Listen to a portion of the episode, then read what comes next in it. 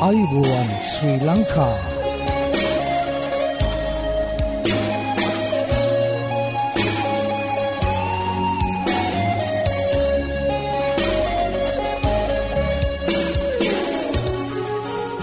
ඔබට සුපදවස මේ Adventist World radio බලාපොරොත්වය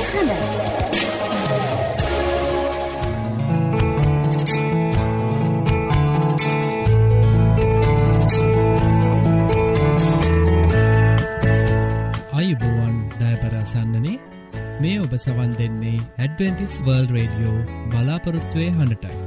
මෙම වැඩසටාන ඔබහටගෙනෙන්නේ ශ්‍රී ලංකා 70ඩවෙන්ටිස් කිතුුණු සභාව තුළින් බව අපි මතක් කරන්න කැමති. ඔබගේ ක්‍රස්තියානි හා අධ්‍යාත්මික ජීවිතය ගොඩනගා ගැනීමට මෙම වැඩසටාන රුකුලක් වේයයි අපි සිතන. ඉතිං රැඳී සිටින් අප සමඟ මේ බලාපොරොත්තුවේ හඬයි.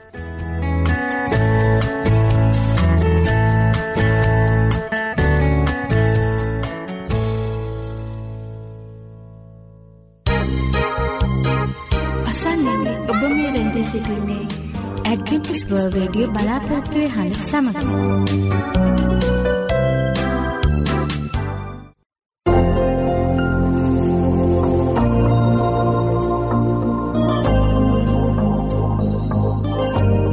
අදදිනේ බයිබල් පාටය අපේ බලාපොරොත්තුවේ ප්‍රකාශ කිරීම චංචල නොවන පිණිස එය තදින් අල්ලාගෙන සිටිමු. මක් නිසාද පොරොන්දුව දුන් තැනන් වහන්සේ විශ්වාසව සිටින සේක හේබ්‍රෙව් දහය විසිතුන.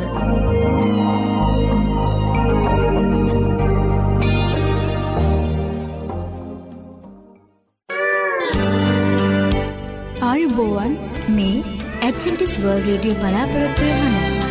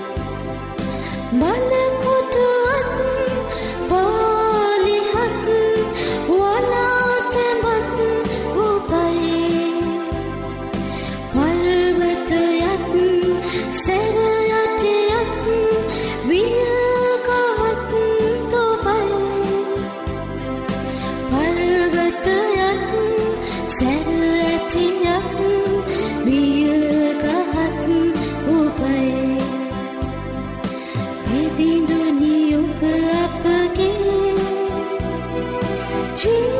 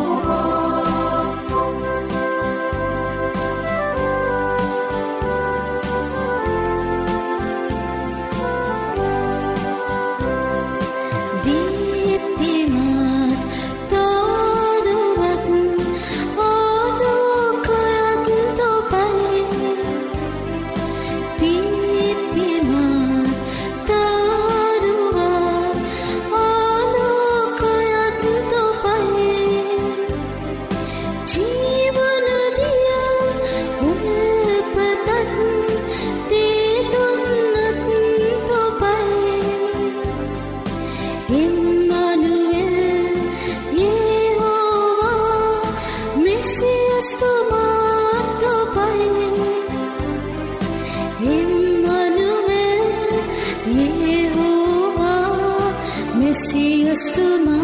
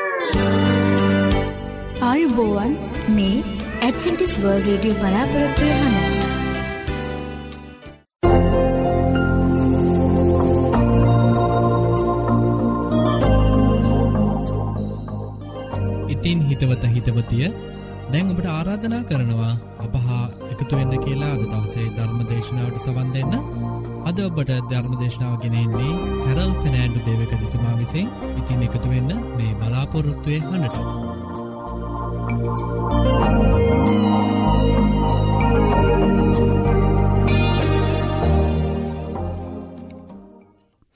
ජෙසුස් ක්‍රිස්තුස් වහන්සේ මනුෂ්‍ය පුත්‍රයනෝ කියලා මීට ඉහිත දවසක මම කතා කළා. සත්‍යයෙන්ම ජේසුතුමා සම්පූර්ණ වූ මනුෂ්‍යයෙක්. දෙවියන් වහන්සේ වැනි වූ මනුෂ්‍යයෙක්. එතුමා තුළින් පාපය මෙලොවට ආවේ නැහැ.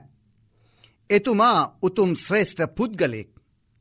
එසේ නම් ජෙසුස් ක්‍රිස්තුස් වහන්සේ දෙවියන් වහන්සේ බවට පත්වන්නේ කෙසේද. උන්වහන්සේ කොහොමද පාපයට සමාව දෙන්නට තරම් බලයක් ලැබුණේ කොහෙන්ද උන්වහන්සේට. උන්වහන්සේ කවුද. මේ මනුෂ්‍ය පුත්‍රයා මනුෂ්‍යයාගේ පාපය වෙනුවෙන් දෙවි පුදන්නේ කොහොමද. එතුමාගේ දිවිපිදීම තුළින් අපට පාප සමාව එවගේම ඔබට පාප සමාව ජීවිතයට ආලෝකය සැනසීම ලැබෙන්නේ කොහොමද. ජෙසුස් ක්‍රිස්තුස් වහන්සේ පවසා තිබෙනවා සියල්ලම ලියවිල්ලේ ලියා තිබෙනවයි කියලා. මොකදද මේ ලියවිල්ල දේවවච්චනය බයිබලය අන්න ඒ නිසාම ජේසු තුමාගේ දිව්‍යමය භාවය ගැන දැනගන්නට ඉගෙන ගන්නට අපි දේවවචනය දෙසට යමු. ජේසුස් ක්‍රිස්තුස් වහන්සේගේ දිව්‍යමය ගුණාංග ගැන දේවවචනය මෙන්න මෙහෙම කියනවා. ස්වර්ගේත් පොළවෙත් සියලු බලය එතු මාට තිබෙනවා. මතුව සුභාරංචි විසි අටේ දහට. ඒ වගේම යොහන් දාහතේ දෙකත් මෙහෙම කියනවා. ජෙසුස් වහන්සේ ඔවුන් ළඟට ඇවිත් කතහකොට ස්වර්ගෙහිද පොළොවෙහිද සියලු බලය මටදී තිබේ. ඔබගේ පුත්‍රයාට ඔබදුන් සියල්ලන්ට ඔහු විසින් සදාකාල ජීවනය දෙන පිණිස ඔබ සියලු මනුෂ්‍යයන් කෙරෙහි ඔහුට බලය දුන් ලෙසම. මේ නිසාම ජෙසුස් ක්‍රිස්තුස් වහන්සේ සර්ව බලදහාරී. ඒ වගේම සියල්ල දන්නා වූ බව සුදෝ පාවුලුතුමා කොළුසි පොතේ දෙවිනි පරිච්චේදේ තුන්ගනි පදයෙන් පවසනවා. ජේසුස් ක්‍රිස්තුස් වහන්සේ සියල්ල දන්නා සේක. කොහොමද ඒ සුද පවුල්තුමා ප්‍රකාශ කනු ලබන්නේ. ඒ තැනන් වහන්සේ තුළ ප්‍රඥාවත් දැනගන්මෙත් සියලු වස්තු නිදහන කර ඇත්තේමය. ජෙසුස් ක්‍රිස්තුස් වහන්සේ සරුව ඥානවන්තය. ඒ වගේම ජෙසුස් ක්‍රිස්තුස් වහන්සේ සෑම තැනම සිටින බව සුදව මතයුතුමා මෙන්න මෙහෙම කියා දෙනවා. මතය සුභාරංචය විසියාටේ විස්ස දහටේ විස්ස. මා විසින් නොබලාට අන කළ සියල්ලම පවත්වන්ට ඔවුන්ට උගන්වා පල්ලා. මමද ලෝකාන්තිමය දක්වා සෑම කල්හිම නුඹලා සමග සිටිමේකීසේක. ඒ වගේම මෙහෙමත් කියලා තිබෙනවා. දෙදෙනෙක් හෝ තුන් දෙනෙක් හෝ මාගේ නාමයෙන් යම්තැනක රැස්ව සිටිත් නම් මම එතන ඔවුන් මැද සිටිමේ කියලා. මේ ජේසුස් වහන්සේගේ පොරොන්දු. බලන ජෙස් වහන්සේ පොරොන්දු කොච්චර සත්‍යතාවෙන් යුක්තද කියලා.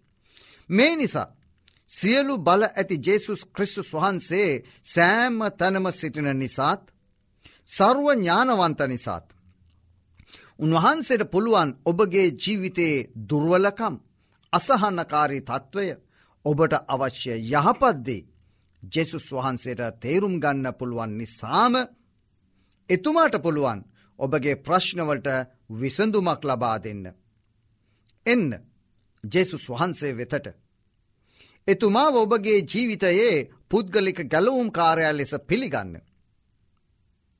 එතුමාට ඔබගේ ප්‍රශ්න සියල්ලම පවසන්න අවංකව උන්වහන්සීදිරයේ කියා සිටින්න. ඔබගේ පාපය කියා සිටින්න. ජීවිතය තුළ ජයග්‍රහණය ලබාගන්න. ජේසුස් ක්‍රිස්තුස් වහන්සේ දේව පුත්‍රයානෝ නිසාම ඔබට උදව් කරන්නට පුළුවන්. දේව පුත්‍රයාණන් තුළම රැන්දී ඉන්න. ජේසුස් ක්‍රිස්තුස් වහන්සේ තුළ පාපය නැහැ. කුරුසියේ මරණයේදී ඔබගෙත් මගෙත් පාපයේ ශාපය උසුලා එයින් නිදහස ලබා දුන්න අපට. ඔබට. ඒ නිසයි ශුද්ධත්වය ජෙසුස් ක්‍රිස්තුස් වහන්සේගේ ස්වභාවයේ කොටසක් බවට පත්වනේ. ඒ වගේම ජෙසුස් ක්‍රිස්තුස් වහන්සේ මරියතුමිය තුළ පිළිසිඳ ගැනීමේදී දේවදූතයා මෙන්න මෙහෙම කිව්වා. මක්නිසාද පියාණන් වහන්සේ තමන් තුළම ජීවනය ඇතිව සිටින්නාක් මෙන් පුත්‍රයාටත් තමන් තුළම ජීවනය ඇතිව සිටින්නට උන්වහන්සේ වරයදුන් සේක. යොහන් පස්වනි පරිච්චේදේ විසිහායවෙනි පදේ. උන්වහන්සේ තුළ ජීවනය තිබුණේය ඒ ජීවනය මනුෂ්‍යයන්ගේ ආලෝකය විය කියලා යොහන් පළමිනි පරිච්චේදේ හතරවෙනි පදයෙන් ශාක්ෂිධරනවා. ජේසුස් ක්‍රිස්තුස් වහන්සේ මෙන්න මෙහෙම කියලා තිබෙනවා. නැවත නැගිටීමද ජීවනයද මමය. මා කෙරෙහි අදහන්නා මල නමුත් ජීවත් වන්නේය. ජීවත්ස්ව සිටින කවුරු නමුත් මා කෙරෙහි අදහන්නේද ඔහු කිසි කලකවත් නොනසින්නේය. යොහන් එකොළහයි විසි පහයිනම් විසිහය. මෙන්න මේ නිසාද ජීවමාන වූ දේවපුත්‍රයාණන් වන ජේසුස් ක්‍රිස්තුස් වහන්සේව විශ්වාස කර එතුමාගේ වචනය අනුගමනය කරන්නේ නම් ඔබගේ ජීවිතයට ඔබට ප්‍රීතිය සාමය පපනක් නොවෙයි සදාකාලික වූ ජීවනයත් ලබාගන්නට පුළුවන්. ලූක්තුමා පළමිනි පරිච්චේදේ තිස් පස්වනි පදයෙන් ජේසුතුමා ගැන මෙන්න මෙහෙම කියනවා. ශුද්ධාත්මයණන් වහන්සේ නුඹ කෙරෙහි පැමිණෙන සේක මෞත්තමයණන්ගේ ආනු භාවේද නුඹ වසා ගන්නේය. ඒ නිසා උපදින්ට සිටින තැනැත්තේ ශුද්ධය දෙවියන් වහන්සේගේ පුත්‍රයා නෝයයි කියනු ලබනසේක කියලා. මාක්තුමා පළමිනි පරිච්චේදේ විසි හතරවෙනි පදයෙන් මෙහෙම කියනවා. නාසරිය ජේසුස් වහන්ස ඔබට අපෙන් කම මොකද. අප විනාශ කරන්ට ආසේක්ද ඔබ වහන්සේ කෞද කියා දනිමි. ඔබ දෙවියන් වහන්සේගේ ශුද්ධෝ තැනන් වහන්සේ යයි කීය. මේ ශුද්ධ වූ තැනන් වහන්සේ කෙරෙහි විශ්වාසය තබා එතුමා වෙත එන්න. ජේසුස් වහන්සේ නම් ප්‍රේමයයි.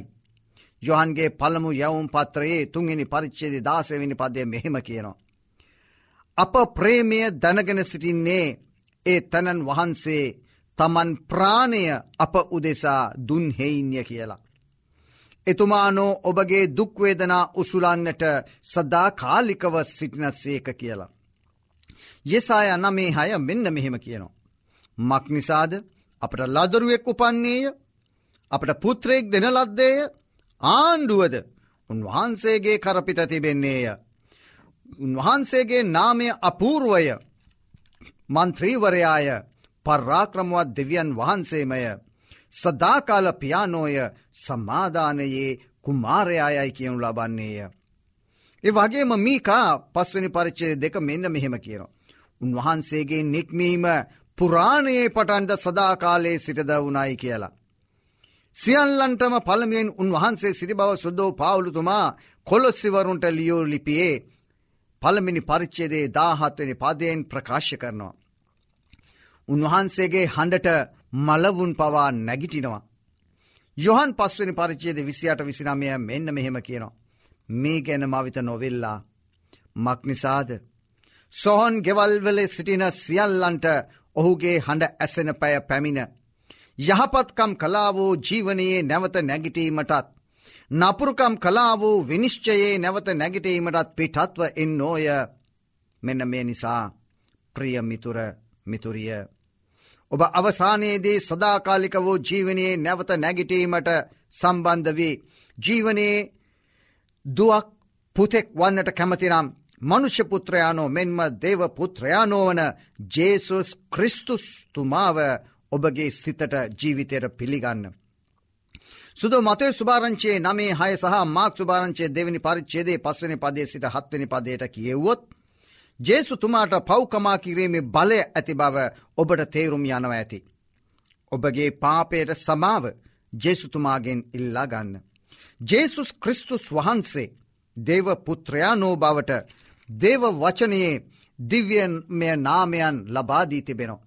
මතෙව් පළමිනි පරිච්චේදේ විසිතුන්ගෙන පද අනුව එම්මානුවල් යන්නේ තේරුම දෙවියන් වහන්සේ අප සමග යන්නය. ඇදහිලි වන්තයින්ද යක්ෂයින්ද දෙව පුත්‍රයනෝයයි කියනු ලැබූහ මාක් සුභාරංචේ පළමිනි පරිච්චේදේ පළමිනි පදය මතෙව් අටේ විසිනාමය මාක් පහේ හත. සුද වූ පැරණි ගිවිසුම දෙවියන් වහන්සේගේ නම යනුවෙන් සඳහන් කර ඇති ජෙහෝවා නැතිනම් යාවේ නම ජෙසුස් වහන්සේටත් අයිති වෙනවා. යෙසායා හතලිස් වන පරිච්චේදේ තුනෙන් පැවසූදේම මතෙව් තුන්ගනි පරිච්චේදේ තුනෙනුත් පවසනවා. ස්වාමින් වහන්සේගේ මාර්ගය සාදා අපේ දෙවියන් වහන්සේට වනයෙහි මාවතත් සමතලා කරපල්ලා යනුයි. ඒ වගේම යෙසාය හයේ එක සහ තුන පැවසූ දෙයම යොහන් දොළහහි හතලිස්ස එකත් පවසනවා. සේනාවල ස්වාමින් වහන්සේ ශුද්ධය ශුද්ධය ශුද්ධය. මුළු පොළව උන්වහන්සේගේ තේජසින් පිරිතිබේ යයි කියනවා. යොහන් එක එක සහ දාහතර පවසන්නේ වාක්‍යානෝද දෙවියන් වහන්සේව සිටි සේක තවද වාක්‍යානු මාංශවත් වේ යනුවෙන් දෙක සඳහන් වෙනවා.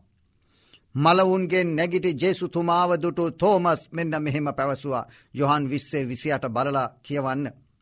තෝම සුත්තර දෙමින්. මාගේ ස්වාමිනී මාගේ දෙවියනයේ උන්වහන්සේට කිව්වා. නුඹ මා දුටුබැවින් විශ්වාස කළෙහිය. නොදුටු නමුත් විශ්වාස කලාව අය ආශිර්වාද ලද්දෝ යයි ජෙසුස් වහන්සේ කිව්වා. මෙන්න මේ නිසා. ජෙසුස් වහන්සේ ඒ තෝමස්ට කිව්දේ ගැන සිතන්න. නොදුටු නමුත් විශ්වාස කලාව අය ආශිර්වාද ලද්දෝය.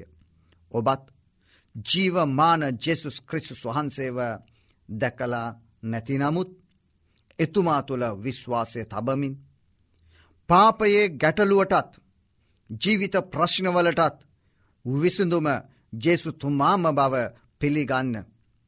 ඔබගේ ජීවිතය ආශිරවාදමත් වනවා ස්තේරයි. ජෙස්වාන්සෙකයූදේ යළිත් ඔබට මතක් කර දෙන්නම්. නොදුටු නමුත් විශ්වාස කලාව් අය ආශිරවාදලද්දෝය ඔබත් ජෙසුස් වහන්සේව විශ්වාස කරන්න.